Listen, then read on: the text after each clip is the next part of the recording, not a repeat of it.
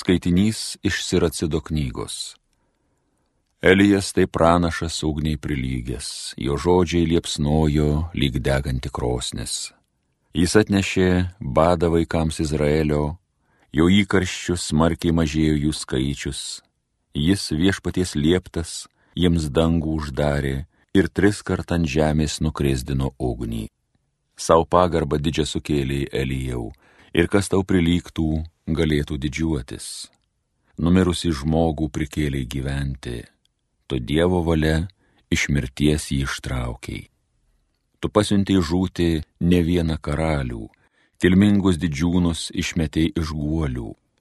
Sinajuje teismo sprendimą paskelbėjai, Horebo kalne nutarimą keršyt.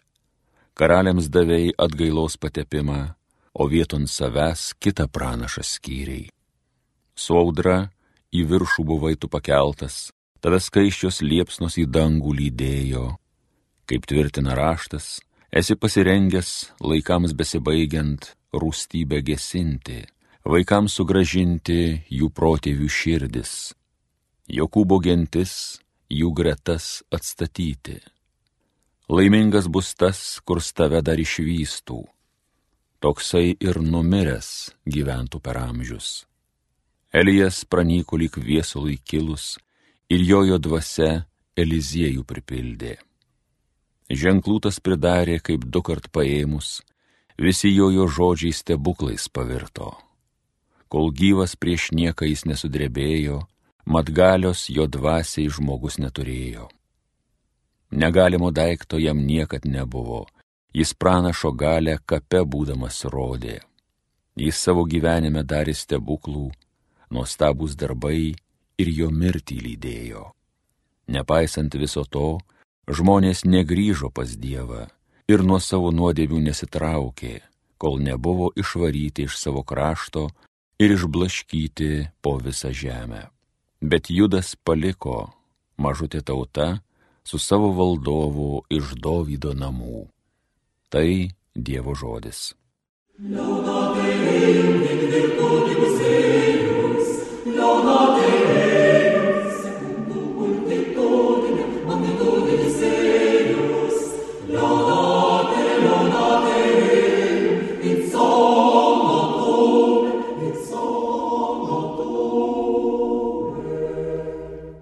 Teisingiai džiaukitės viešpaties prieglopstį. Viešpats pasaulio valdovas, te džiugauja žemė, te krikštauja salos. Jį juosia debesys tamsus, teisė, teisybė grįstas jo sostas. Teisingieji, džiaukitės viešpaties prieglopstį. Kai jis žengia, ugnys liepsnoja, naikina priešus aplinkui, žaibaisiais nupliekia pasaulį, išvykusi sudreba žemė. Teisingieji, džiaukitės viešpaties prieglopstį. Sutirpsta kaip vaškas kalnai išsigandę prieš viešpatį viso pasaulio valdovą. Byloja dangus apie jo teisingumą, jo garbingumą regi pasaulis. Teisingieji, džiaukitės viešpaties prieglopstį. Gėda visiems, kurie drožiniui lenkės, stabai savo didžiuojas. Niekingi dievaičiai prieš viešpatį kniupkit. Teisingieji, džiaukitės viešpaties prieglopstį.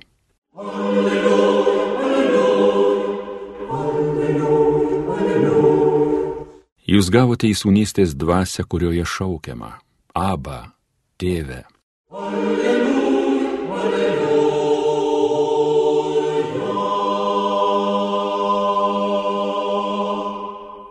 Iš Ventosios Evangelijos pagal Matą. Anuomet Jėzus kalbėjo savo mokiniams.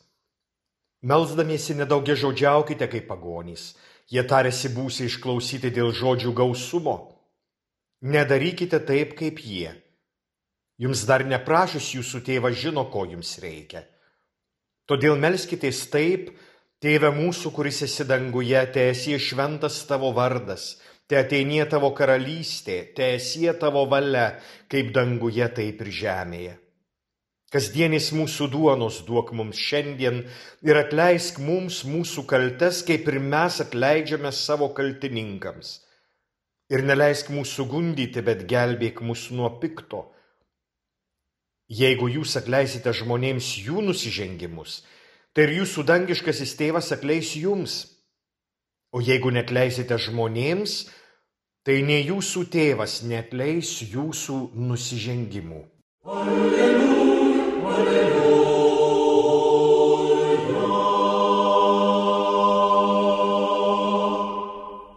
Brangus Marijos radio klausytojai, kaip galima suvokti, kad šita malda yra Evangelija, geroji, džiugioji, linksmoji žinia?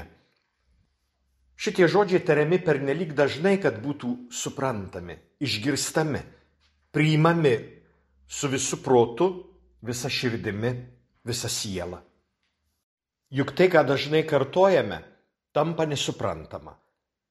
Ir tai, ką dažnai matome, nepastebima. O šitie žodžiai yra Evangelija, pati tikriausia Evangelija.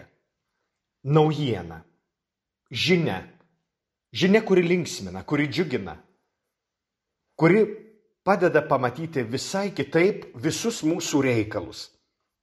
Pirmiausia, į Dievą reikia kreiptis iš viso širdies, žinant, kad Jis yra mūsų tėvas dar labiau teitukas, tėvelis, kaip mylimas, dėmesingas tėtis vaiko, kuris juo visiškai pasitikė ir kuris jam turi laiko. Aišku, ne vienam mūsų šiandien tokią tėvo sampratą nelengva priimti kaip savaime suprantama. Nes mūsų tėvai ne visada yra tobuli, idealūs, ne visada turi laiko, ne visada turi dėmesio, ar apskritai ne visada yra mūsų gyvenime. Ir ne tik dėl to, kad jau mirė.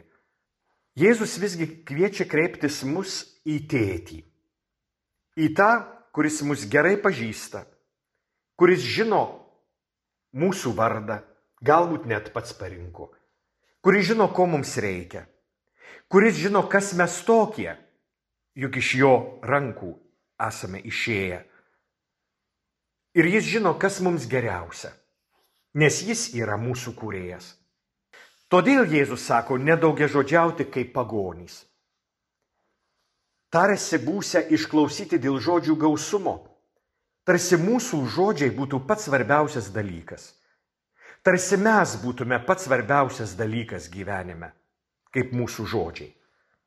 Nejau žodžiai yra pats reikšmingiausias dalykas. Pats reikšmingiausias dalykas yra Dievas. Galbūt jau esate girdėję mano patirtį, kai po vienos iš pažinties kunigas manęs paklausė apie mano maldą. Vardinau, vardinau savo maldas, tai ir valandų liturgija, tai ir Biblijos meditacija, tai ir mišios kiekvieną dieną. Kunigas pasakė, per mažai. Ir trūksta vieno svarbiausių dalykų. Aš pamaniau, kad juokauja, juk tiek daug laiko praleidžiu maldoje. O jis sako, tau trūksta kasdieniai švenčiausiojo sakramento adoracijos. Praėjus kažkiek laiko, nusprendžiau pagaliau atlikti švenčiausiojo sakramento adoraciją. Ir mano nuostabai pradėjau melstis galvodamas apie save. Žiūri švenčiausiai sakramentą, bet mastau apie save Apie tai, kad ilgai neprisiruošiau atlikti adoracijos. Apie tai, kad nelabai mėgstu melstis apskritai. Apie tai, kad pareigas ne visada atlieku gerai. Apie tai, kad Dievas į mane žiūri ne visai draugiškai.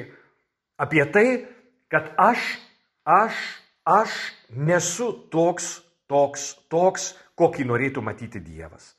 Ir aš supratau, kad žiūrėdamas į švenčiausiai sakramentą, aš žiūriu ne į jį, bet į pats į save. Tas kunigas turėjo mintyje, kad švenčiausio sakramento adoracijos metu reikia žiūrėti ne į save, bet į jį. Reikia įsižiūrėti į jį, nes jis yra svarbesnis už mane.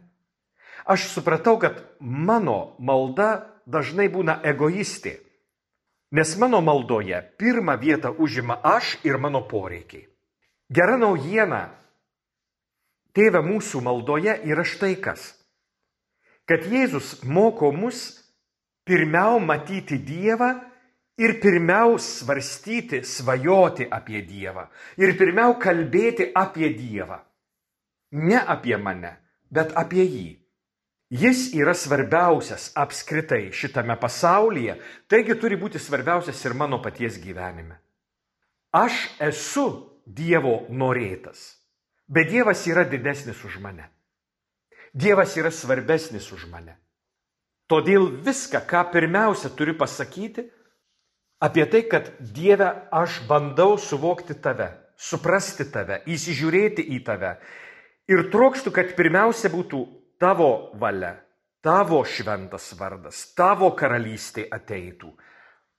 Mes, kaip egoistai, mūsų visų širdys yra egoistiškos. Mes visi esam įgelti tos gyvatės. Ir todėl kiekvieno nagai į save riesti. Mes turime pamiršti save ir atminti Dievą. Nes Dievas mumis labiausiai rūpinasi ir mums yra dovana. Taigi suvokti, ką iš tikrųjų turime kaip didžiausią dovaną - jį patį. Dievą, kuris yra ne šiaip savo didžiausias gėris ar aukščiausias grožis, ar tiesa, ar nepajudinamas judintojas. Dievas yra mūsų tėvas, norėjęs mūsų ir besirūpinantis mumis. Taigi pirmiausia Dievas. Čia pasakysite, kaip Dievas. Jeigu turiu rūpešių, turiu bėdų, turiu nesėkmių, turiu problemų, jos man pačios svarbiausios. Ir dažnas liudymas, kad į Dievą kreipiuosi tik tada, kai bėda. Kai Jėzui ištiko bėda, jis paklausė, tėve, ne jau aš pasakysiu, gelbėk mane nuo šitos valandos, aš pasakysiu, tėve, te bus pašlovintas tavo vardas. Štai šitokia mintis turėtų mus lydėti. Viskuo, visų savo gyvenimu pašlovinti Dievą. Šiandieninis pasaulis idealu mūsų gyvenime laiko savęs pačių realizaciją. Bet idealas ir pats svarbiausias dalykas nėra mūsų pačių realizacija. Svarbiausias dalykas yra Dievo šlovė ir Dievo valios vykdymas. Pats svarbiausias dalykas yra Dievas, ne mes. O Dievas žino, ko mums reikia. Todėl, kai prašome, prašome pačių paprasčiausių dalykų - kasdienės duonos. Graikiškasis tekstas yra labai sunkiai suvokiamas, ką reiškia kasdienė duona. Ar dvasinė, ar fizinė. O iš tikrųjų viską, ko mums reikia, kad galėtume gyventi pilnaverčiai ir pilnakraujai. Tačiau dėmesio, mes neprašome didelių turtų. Mes prašome tik tai tai, ko svarbiausia, ko labiausiai mums reikia kiekvieną dieną. Ir neprašom ateičiai, bet prašome tiesiog dabarčiai. Šitam laikui, šitam etapui mūsų gyvenime. Rytojus pats pasirūpins savimi, sakė Jėzus. O iš tikrųjų Dievas pasirūpins mumis. Nes Dievas nuolat gyvena dabar, tad ir dabar mumis rūpinasi.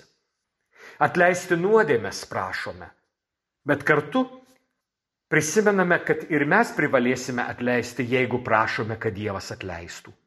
Atleidimas yra žygdarbis, atleidimas yra sunkus, atleidimas yra ilgas procesas, bet privalome būti pasiryžę atleisti, jeigu norime, kad mums būtų atleista. Ir dar, neprašome, kad apsaugotų nuo bėdų, nuo nelaimių, nuo nesėkmių, nuo negandų, bet prašome, kad apsaugotų nuo piktojo, nuo to, kas iš tikrųjų mus atskiria nuo Dievo. Nei mirtis, nei gyvenimas, nei angelai, nei viešpatystės, nei galybės, nei aukštumos, nei gelmės, niekas negali mūsų atskirti nuo Kristaus, tik sunki nuodėmė. Tik tai, kas iš tikrųjų priverčia nusisukti nuo Dievo ir pasirinkti kitas dvasias - kūno, pasaulio, šeitono dvasias, ne Dievo dvasia. Kai atsiskiriam nuo Dievo, mes tampam vieniši. Nuodėmė yra tai, kas sako Dieve, man nereikia tavęs. O Dievas yra džentelmenas. Jis visada pasitraukia, jeigu tau jo nereikia. Jis netoks įkyrus kaip mamos, tėčiai, kaip kunigai, kaip mokytojai, kaip seneliai. Dievas gerbia mūsų laisvę ir mūsų asmeninius pasirinkimus. Tad prašyti, kad gelbėtų mus nuo piktojo, nuo to, kas iš tikrųjų mus atskiria nuo jo, yra ir vienas iš svarbiausių prašymų. Kristus mus išmokė melstis pats melzdamasis.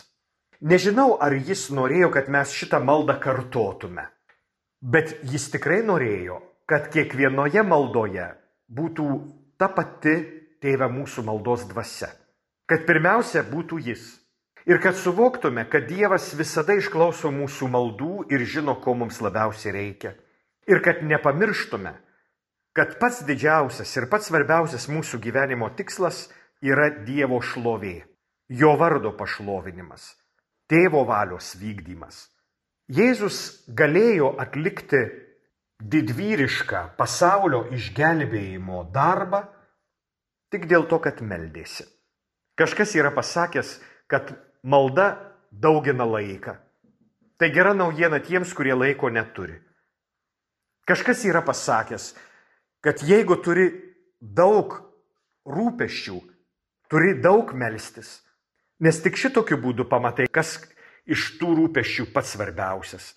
Kažkas yra pasakęs, kad negaliu be maldos nei vienos dienos. O mes turėtume prisiminti, kad malda yra pirmas ir svarbiausias kiekvienos dienos mūsų uždavinys. Ir dar, kažkas yra pastebėjęs, kad krikščionio maldoje negali būti nieko, ko nėra tėvė mūsų maldoje, kurią suredagavo evangelistas Matas. Gera naujiena yra ta, kad krikščionys meldžiasi ne šiaip savo tolimam, bet labai artimam Dievui. Ir kad mūsų balse. Dievas visada girdi savo sūnaus balsą. Taigi Dievas išklauso savo sūnaus ir mūsų, jo vaikų, jo sūnuje maldos, kuri atliekama per Kristų, su Kristumi ir Kristuje šventosios dvasios vienybėje. Tėvui, kuris yra danguje. Laudate